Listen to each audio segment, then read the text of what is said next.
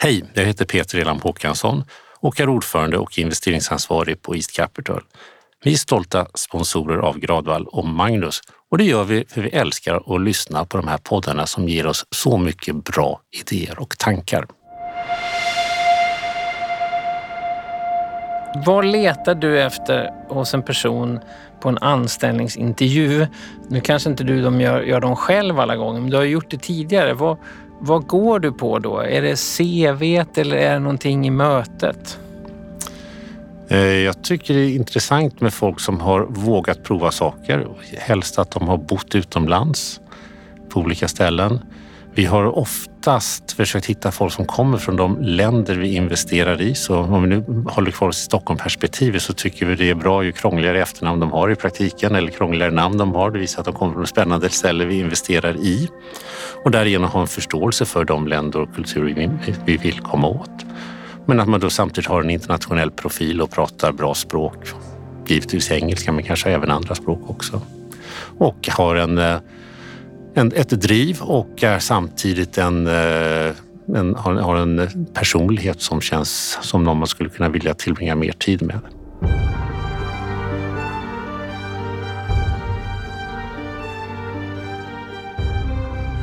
Sommaren 1969. Hela världen är fokuserad på vad som händer under nio dagar. Den 11 juli 1969 så skjuts den första bemannade rymdfärden upp. Den 16 juli landar den på månen. Den 20 juli så återvänder den till jorden. Neil Armstrong och Buzz Aldrin, de två människorna som promenerade på månen, blev superstjärnor. Ungefär som rymdens Lennon och McCartney. Men det fanns också en tredje person på den här rymdfärden av de tre ombord på Apollo 11 så var han den enda som inte fick gå på månen. Och när han dog 90 år gammal beskrev Time Magazine honom i en runa som “the unluckiest man on the luckiest mission of all time”. Samtidigt var han helt avgörande för att den här månlandningen lyckades. Han var en briljant pilot och astronaut Innan detta, tre år innan, så var den första människan att göra en rymdpromenad två gånger. Eh, men han var alltså kvar i kommandomodulen helt ensam och bortglömd av media. Han satte så till att allting fungerade i omloppsbanan. Han kunde också uttrycka sig som en poet och beskrev månens yta från sitt fönster som en förtvinad solbränd persikokärna. B. Usma skrev långt senare en väldigt fin bok om honom som hette Astronauten som inte fick landa. Och astronauten hette Michael Collins som är vår rubrik på det här avsnittet. Det är många människor som får ta plats i rampljuset men de är ofta helt beroende av någon som väljer den otacksamma uppgiften att vara kvar i omloppsbanan. Det handlar alltså om de osynliga men vitala medlemmarna i gruppkonstellationer. Oavsett om det handlar om rymdfärder, musikaliska konstellationer eller företagande. Man eh, tycker ju ofta att i fallet Apple så är det ju Steve Jobs och då är nog Steve Wozniak den självklara Michael Collins som stod lite utanför. Men så är det ju såklart inte. Steve Wozniak var ju minst lika synlig och har tagit minst lika mycket plats sedermera. Han var Buzz Aldrin kanske? Exakt. Den osynliga parten i Apple heter Mike Markula eller Markula. Finskättad amerikan som när Steve och Steve skulle skriva sin första affärsplan 70-talet så plockade de in Mike som en kombinerad marknadschef och business development director. Han skrev ett memo till Steve Jobs där han sa det här tycker jag att Apple ska handla om. Och då skrev han tre principer som såväl Steve Jobs som sedermera Walter Isaacson, biografin, skriven, eh, sa var helt avgörande. Det är det som har drivit allt vad Apple blev. Och det var tre ord. Det första var empati. Det vill säga man ska leva sig in i kundens situation och lösa deras problem och visa V på er sida. Nummer två, fokus. Gör några saker riktigt bra istället för många saker halvdant. Men det är det tredje ordet som har fått väldigt mycket uppmärksamhet. För det ordet var jättesvårt engelskt ord.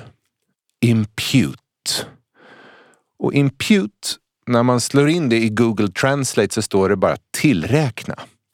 Men impute betyder alltså om vi ska upplevas vara empatiska och fokus, då måste vi hela tiden påminna människor om. Vi måste påvisa, ge exempel på hur vi gör det här hela tiden. Walter Isaacson skriver ju som berömt en, en anekdot där Steve Jobs fosterfar visar hur man ska måla staket även på baksidan där det inte syns. Det är ett sätt att impute då, att jag bryr mig det är om väldigt detaljer. Bra. Mm. Så det finns ju ett ganska klyschigt men ändå sant ordspråk. Want to go fast, go alone. Want to go far, go together. Och då är oftast just den här Michael Collins-karaktärer de som är av störst vikt. I musiken så dyker det upp ganska många Michael Collins-karaktärer. Först tänker man ju då på Billie Eilishs brorsa Finnes. Särskilt de första åren. De var ju egentligen en slags duo. Billie Eilish var sångare i storebrorsans band men de bestämde sig för att det är hon som ska stå längst fram. Men det stämmer inte riktigt att han är en Michael Collins nu för nu försöker han göra en egen karriär parallellt med Billie Eilish. Så han faller lite mer under Buzz Aldrin-kategorin då. Men jag tänkte på en, faktiskt Neil Young Eh, på Roskildefestivalen för säkert tio år sedan så Per Signing Larsen som är en gemensam kompis till båda oss, han är ju konferencier på den här festivalen och introducerar folk. Och då fixade Per så att jag fick ett sånt där wristband så att jag fick stå på scenen när Neil Young spelade. Så att jag stod liksom fem meter bakom Neil Young i kulissen och tittade. Och det var jag faktiskt, det var tre personer som stod. Det var jag och Chemical Brothers. Vilket säger en del om hur få som fick stå där. Men vad jag egentligen tittade på under hela konserten var en gråhårig man, lika gammal som Neil Young, som stod bakom och mekade med hans gitarrer hela tiden. Han stod liksom och skruvade och fixade. För Neil Young, han liksom tände ju eld, box, eller inte bokstavligen, men symboliskt så tänder han eld på, på sin gitarr när han spelar. Att det verkligen ryker om tonerna. Allt bygger på den här gitarren. Och han vill inte hålla på att byta för mycket heller som andra, utan han har samma gitarr eller två stycken som han liksom byter mellan. Och då kollar jag upp den här gitarrtekniken då som heter Larry Craig. Och Neil Young gör ingenting utan honom. Vad han har gjort i 30-40 år så står den här eh, Larry Craig då i omloppsbanan runt Neil Young och ser till att Neil Young kan vara Neil Armstrong så att säga. Så det är nog den tydligaste Michael Collins-figur jag kan komma på. Det såg man ju, alltså The Edge i U2 har Dallas Shoe som fyller precis samma funktion. Har jobbat tillsammans i 30 år. Gitarrtekniker, servar, polerar. Jag minns det här gamla ordspråket för vem som blir rika i guldruschen. Det var ju inte de som vaskade guld utan det var ju de som sålde verktygen till guldvaskarna. Så det finns ju ett helt, som sagt var ett helt vitalt värde att vara den som ställer sig lite utanför. Det som gör det ämnet angeläget i just skapande är ju att vi lever ju, som vi tidigare har påtalat, i en ganska revolutionsromantisk tid där vi ofta ställer individen allsmäktig mot kollektivet. Allt från Greta Thunberg som säger som det är när hon åker till världsekonomiskt forum i Davos till kanske en av de mest berömda symboliska bilder, The Tank Man, den här kinesiska mannen. Himmelska fridens torg, ja. Som ställer sig i vägen för stridsvagnarna på Himmelska fridens torg 1989. Men i den revolutionsromantiken, som är romantisk, så tappar man ofta bort att det under de här rör sig helt andra, ganska långsamma, tråkiga och kollektiva i bemärkelsen samarbeten. Ett exempel som har påtalats ofta är att klimatförändringar bygger ju på att vi började intressera oss för att mäta saker i klimatet. Och det gjorde vi ganska nyligen. Det gjorde vi någonstans sent 1800, tidigt 1900-tal. Uppfinningarna i de här mätinstrumenten byggde ju också på små detaljer som byggde vidare på andra. Och det kan man se, nästan all historia av innovation så finns det en dramatisk anekdot. Någon upptäckte något och de fick slåss för sin heder. Och underliggande så finns det ganska tråkiga, långsamma rörelser. Pasteuriseringen är ett sådant exempel. Verkligen. Genom tips av dig, Steven Johnson, vad kan man kalla honom, populärvetenskaplig författare, föreläsare som är väldigt stor i liksom din värld. så. Eh, men han har gjort nu en, en bok som också är en PBS-serie som går på BBC som heter A Short History of Living Longer. Apropå just det här. Eh, och det är en siffra som egentligen vi borde tala om hela tiden. Den borde vara liksom den stora nyheten på alla nyhetskanaler för att ge en proportion till dåliga saker och bra saker som händer. Mellan 1920 och 2020 så dubblades människans medellivslängd från runt 40 år till runt 80 år. Vilket är faktiskt en helt sanslös siffra. Och det beror ju på att det är en massa personer då, Michael Collins-figurer som inte syns, som har påverkat det här. Framförallt då vad det gäller vaccin till exempel. Eh, han har som exempel då hur många som dödades av smittkoppor runt 1770-talet. Och säga siffran på antalet döda säger mindre om man bara går igenom då kungahusen som dog av smittkoppor då under den tiden var Tysk-romerska riket, Spanien, Ryssland, Monaco, Frankrike och Bavarien som var en del Tyskland. Alla de strök med av smittkoppor. Men tack vare att man utvecklade vaccin för detta så har man, höjde man medellivslängden dramatiskt. Pasteurisering som du säger var jätteviktig. Då gick liksom mjölk från att vara dricker du mjölk så dör du till dricker du mjölk så får du friska barn så att säga. Alla de här har gjort att levnadslängden fördubblades på hundra år. Men vi tar de två exemplen. Vi börjar med pasteurisering, för det har alla lärt sig. Det kom efter Louis Pasteur. Men det blev inte standard i mjölkindustrin förrän 50 år senare. För det Louis Pasteur insåg var att när man hettade upp vätska så kunde man få bort bakterier. Det var en vetenskaplig insikt.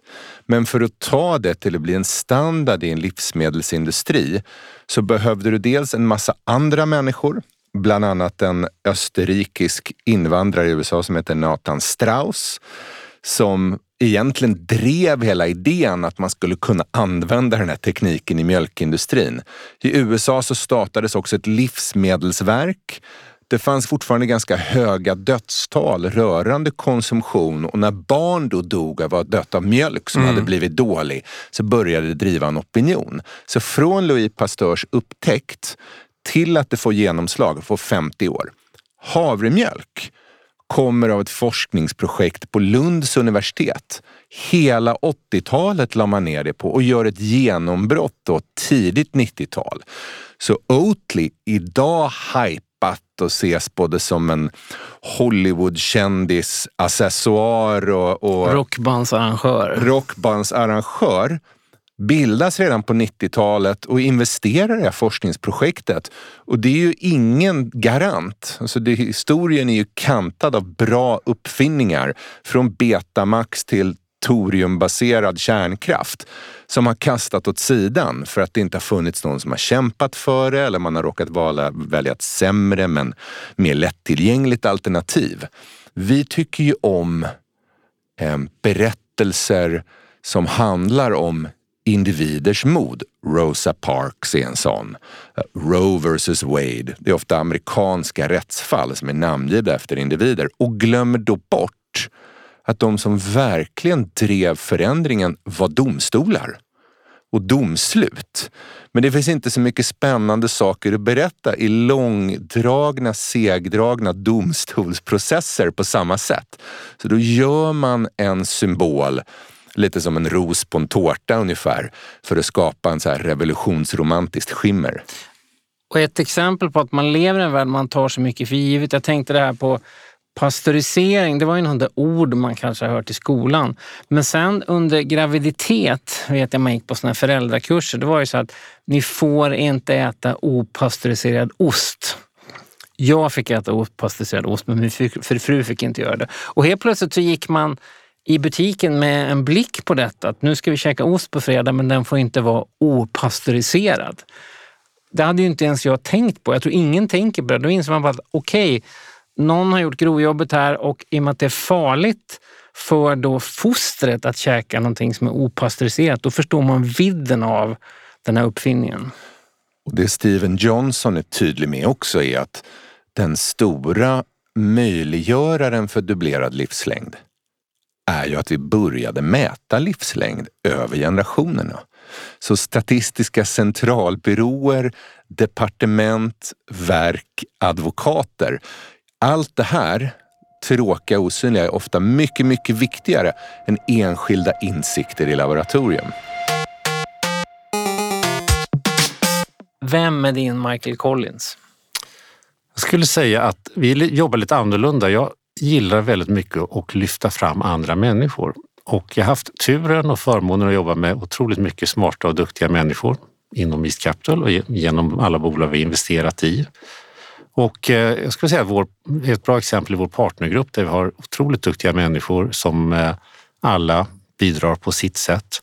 Och vi har då haft till exempel en partner i Moskva eh, och vi har haft en partner i eh, Dubai, en i Hongkong och en som har drivit eh, vårt börsnoterade bolag Eastnine och så har det kommit ytterligare en partner i, eh, i Moskva.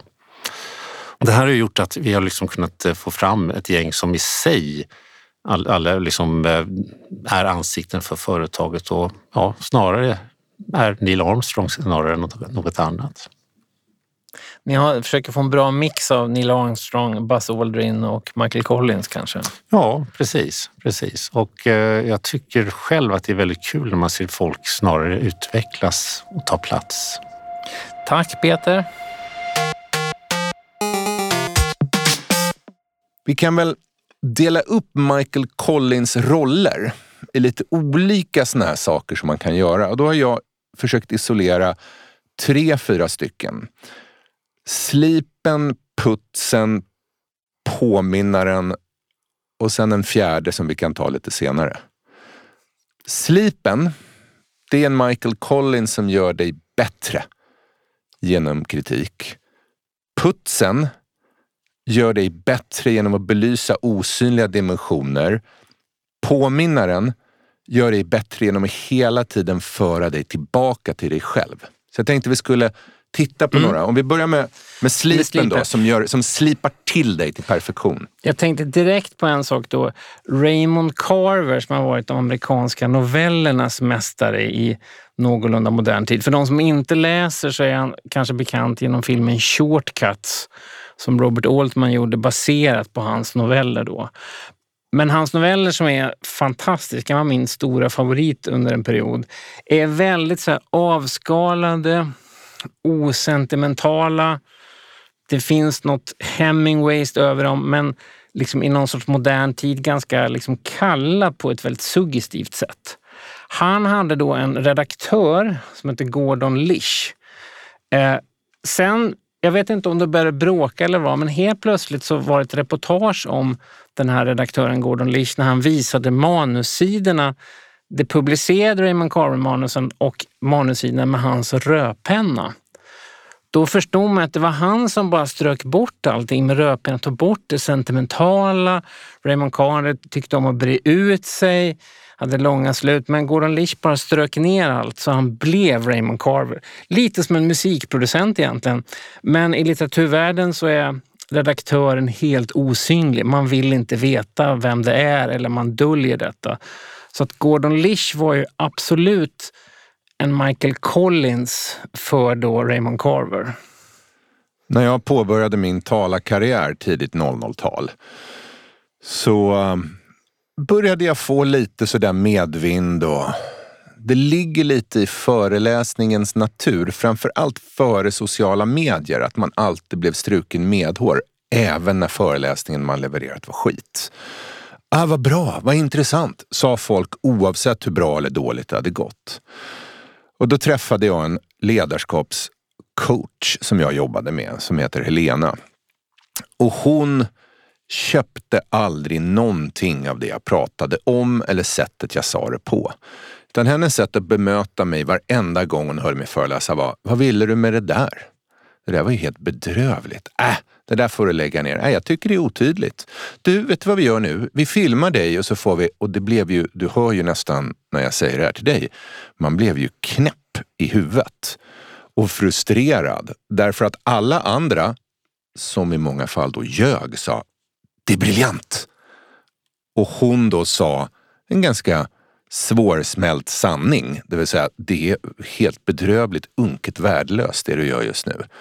Och det är ju en ganska viktig dimension av slipen oavsett om det handlar om Raymond Carver eller unga föreläsare. Att våga utsätta sig för den bittra sanningen snarare än att gosa in sig i den medhårssmekande lögnen. Men jag måste fråga, hur kändes det för dig när du har suttit och sett dig själv på film och någon sitter och påpekar exakt vad som är dåligt?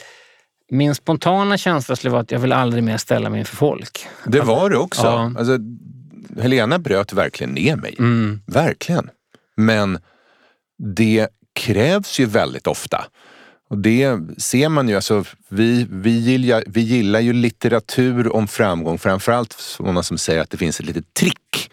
Så här, tänk så här eller gör så här. Istället för att förstå att det är väldigt, väldigt svårt att vara framgångsrik eller något. Och ofta är det människor som har vågat utsätta sig för förnedringen och bespottningen att med rödpenna eller höra orden “det var skit”. Mm. Vilket då, um, jag tänker också på Will Champion i Coldplay.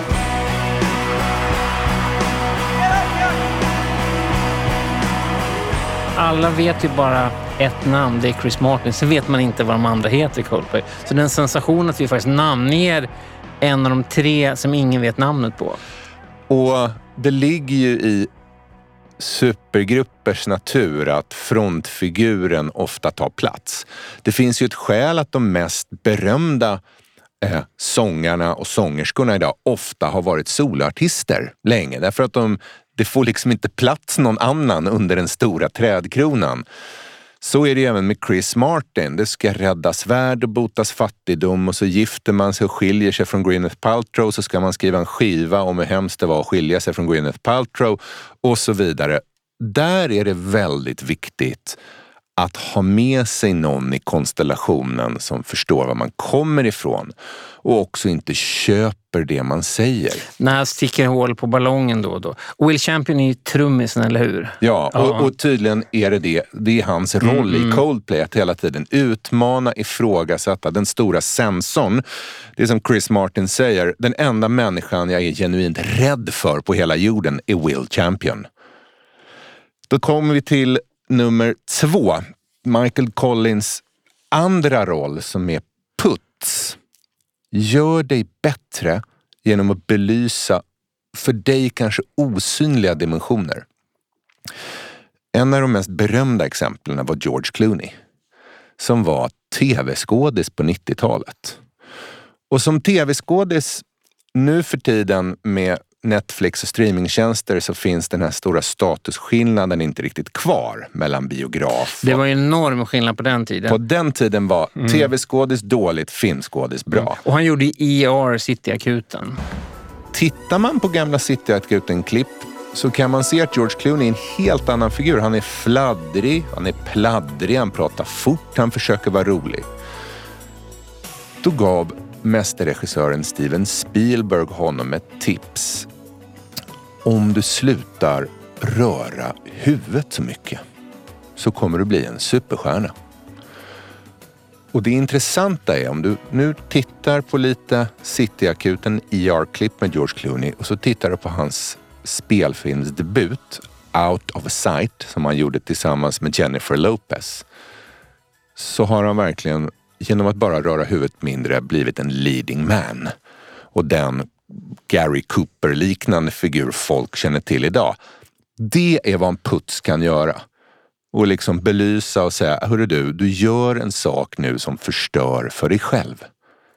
Det där är så intressant. Någon borde göra en dokumentärfilm om huvudets betydelse för skådespeleri. För jag har hört det flera gånger, det är också viktigt att ha ett stort huvud. Eh, ett stort, ett stort huvud i förhållande till, till en kropp. Många av de största filmstjärnorna genom tiderna från Tom Cruise, Dustin Hoffman, de är ganska korta men de har ett oproportionerligt stort huvud, inte ett gigantiskt huvud. Men det gör sig bra på film. Det blir väl som ett, som ett berg ungefär, någonting. att det finns där och det, det förankrar filmen. Och när man pratar om huvudrörelser då och överhuvudtaget kroppsgester så har ju det alltid legat svenska skådespelare i fatet på internationella filmer. För väldigt många svenskar är fostrade på små teaterscener. På teaterscen så måste du vara yvig. Åh nej! Vad har hänt? Slut med armarna. Medan en kamera fokuserad i närbild så kan det räcka med en blinkning i rätt ögonblick. Och det är ju så, det är som att ha två olika sporter egentligen. Mm. Du, du, måste nästan byta sport och det är väldigt svårt att göra. Framförallt om du har blivit väldigt trygg då på en teaterscen. Och som tittare, som filmtittare, så vet man ju vad som har hänt.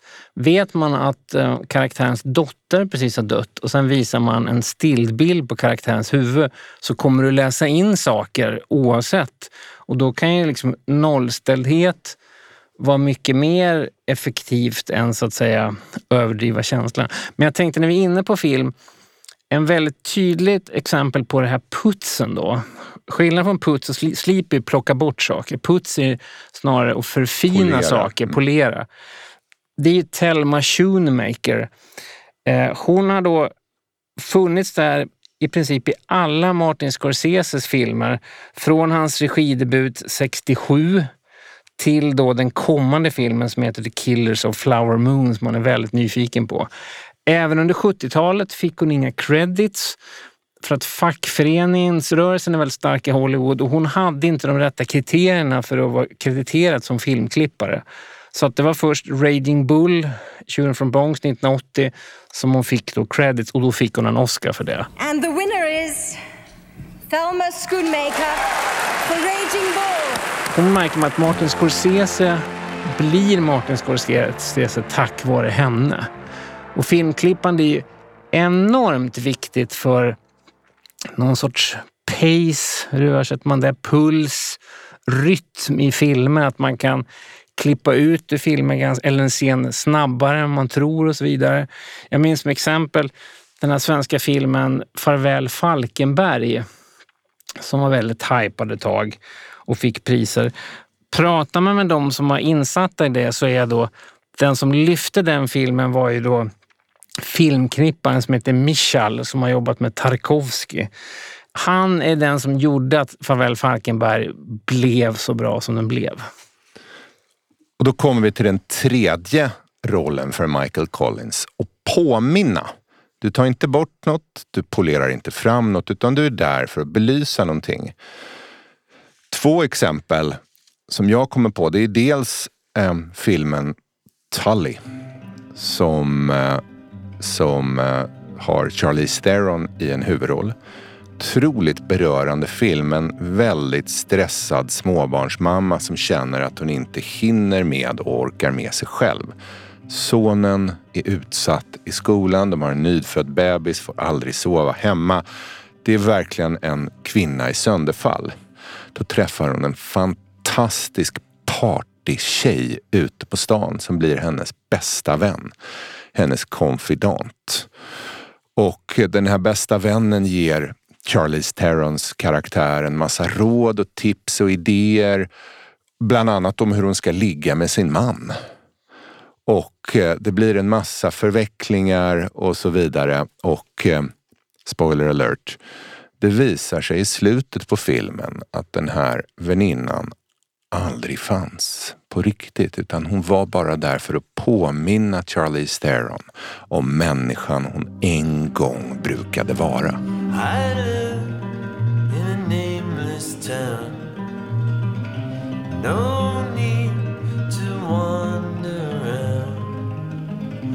I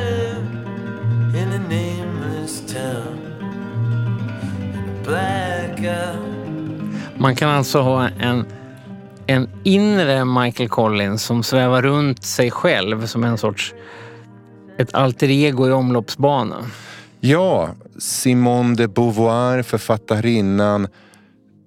En stor del av hennes författarskap handlade om en, eh, en förlust av en väninna som hon hade, en väldigt nära bekantskap. Och det kan man ju se i många författarskap och konstnärskap, att det är ofta en tematik som kommer tillbaka. Det kanske var något som hände utanför dem, eller en person som var viktig, men det stannar med dem.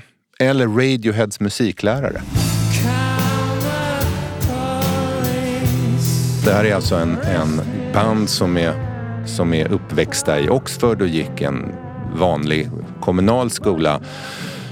Tom York, sångaren, väldigt, väldigt mobbad, utstött. Eh, minns hela uppväxten egentligen i diverse hat och utstötthet. Ser ganska udda ut med, med sitt öga också. Precis.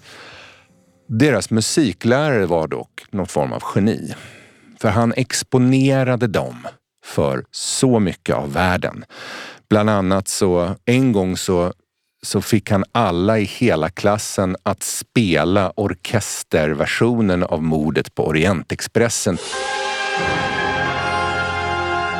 Så han gillade verkligen och han exponerade och än idag så pratar alla i Radiohead att det var han som fick oss att se musiken som ett stort och yvigt landskap. Men i god Michael Collins-stil så ringer musikläraren fortfarande upp bandet en gång per år och säger Kom ihåg att ni måste våga fortsätta vara originella. Gitarristen i Radiohead, Johnny Greenwood, han är ju kanske den mest intressanta filmmusikkompositören på 2000-talet och har gjort Paul Thomas Andersons alla filmer. Och när du säger att hans musiklärare fick honom att skriva till mordet på Orientexpressen så förstår man ju att det har ju självklart påverkat honom som då filmmusikkompositör också. Så att påminna och exponera för en otroligt viktig dimension. Men jag nämnde också en fjärde roll för en Michael Collins. Och det är kanske det Michael Collins var, alltså astronauten. Nämligen skitjobbaren. Alltså den som får göra skitgörat. Och får sitta kvar i farkosten när de andra två får gå ner och promenera omkring på månens yta. Och sen få all uppmärksamhet och hålla välbetalda föredrag under väldigt många år. Ja, för att jag läste om det när då han hade gjort allt förarbete och så klev Neil Armstrong och Buzz Aldrin in i månlandaren så sa han bara, hans farvälord till dem var bara You cats, take it easy. Och då måste vi gå in på ett exempel som kanske den här podden har väntat på att det skulle komma. Nämligen Depeche Mode.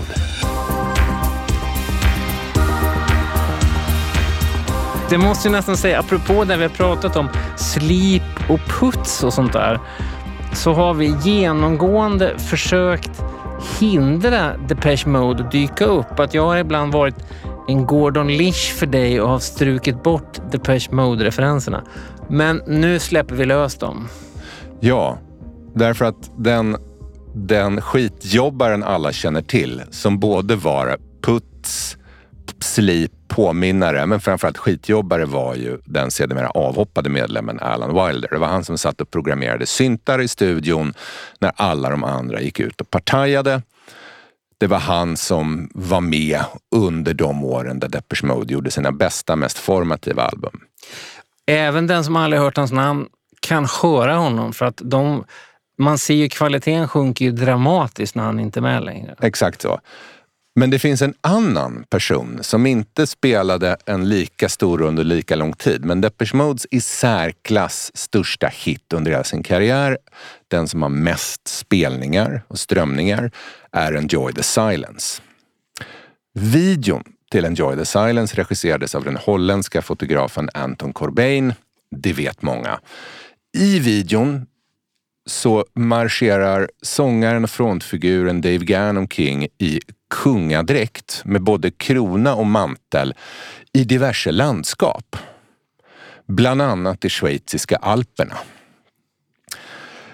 Och då var det ju så här att när inspelningen kom till schweiziska alperna, för det är nästan där det ser som bäst ut, när den här märkliga kungafiguren går omkring bland liksom, stora snöklädda alper och moln runt omkring. Otroligt suggestivt. Då hade Dave Gahan tröttnat och ville åka hem och festa, partaja, ta droger eller vad han nu ville göra. Och då var en av assistenterna och producenterna tvungen att steppa in nämligen Richard Bell. Underbart att vi, att vi namnger denna person. Richard Bell är tidernas, musikvideohistoriens, åtminstone en av de största skitjobbare.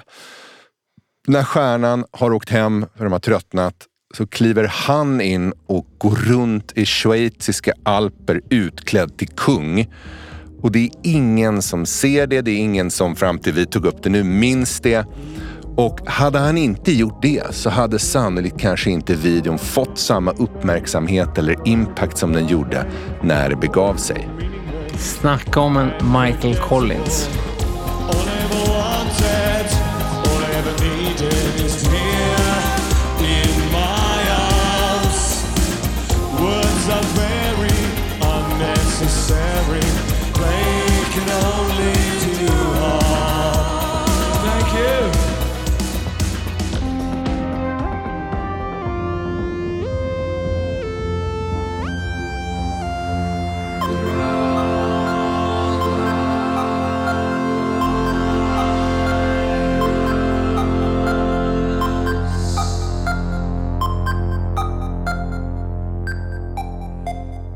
Har lyssnat på Gradvall och Magnus. Inspelningsstudion var A1. Ljudtekniken hette Jonas Sjöberg. Formgivaren Nina Ulmaja.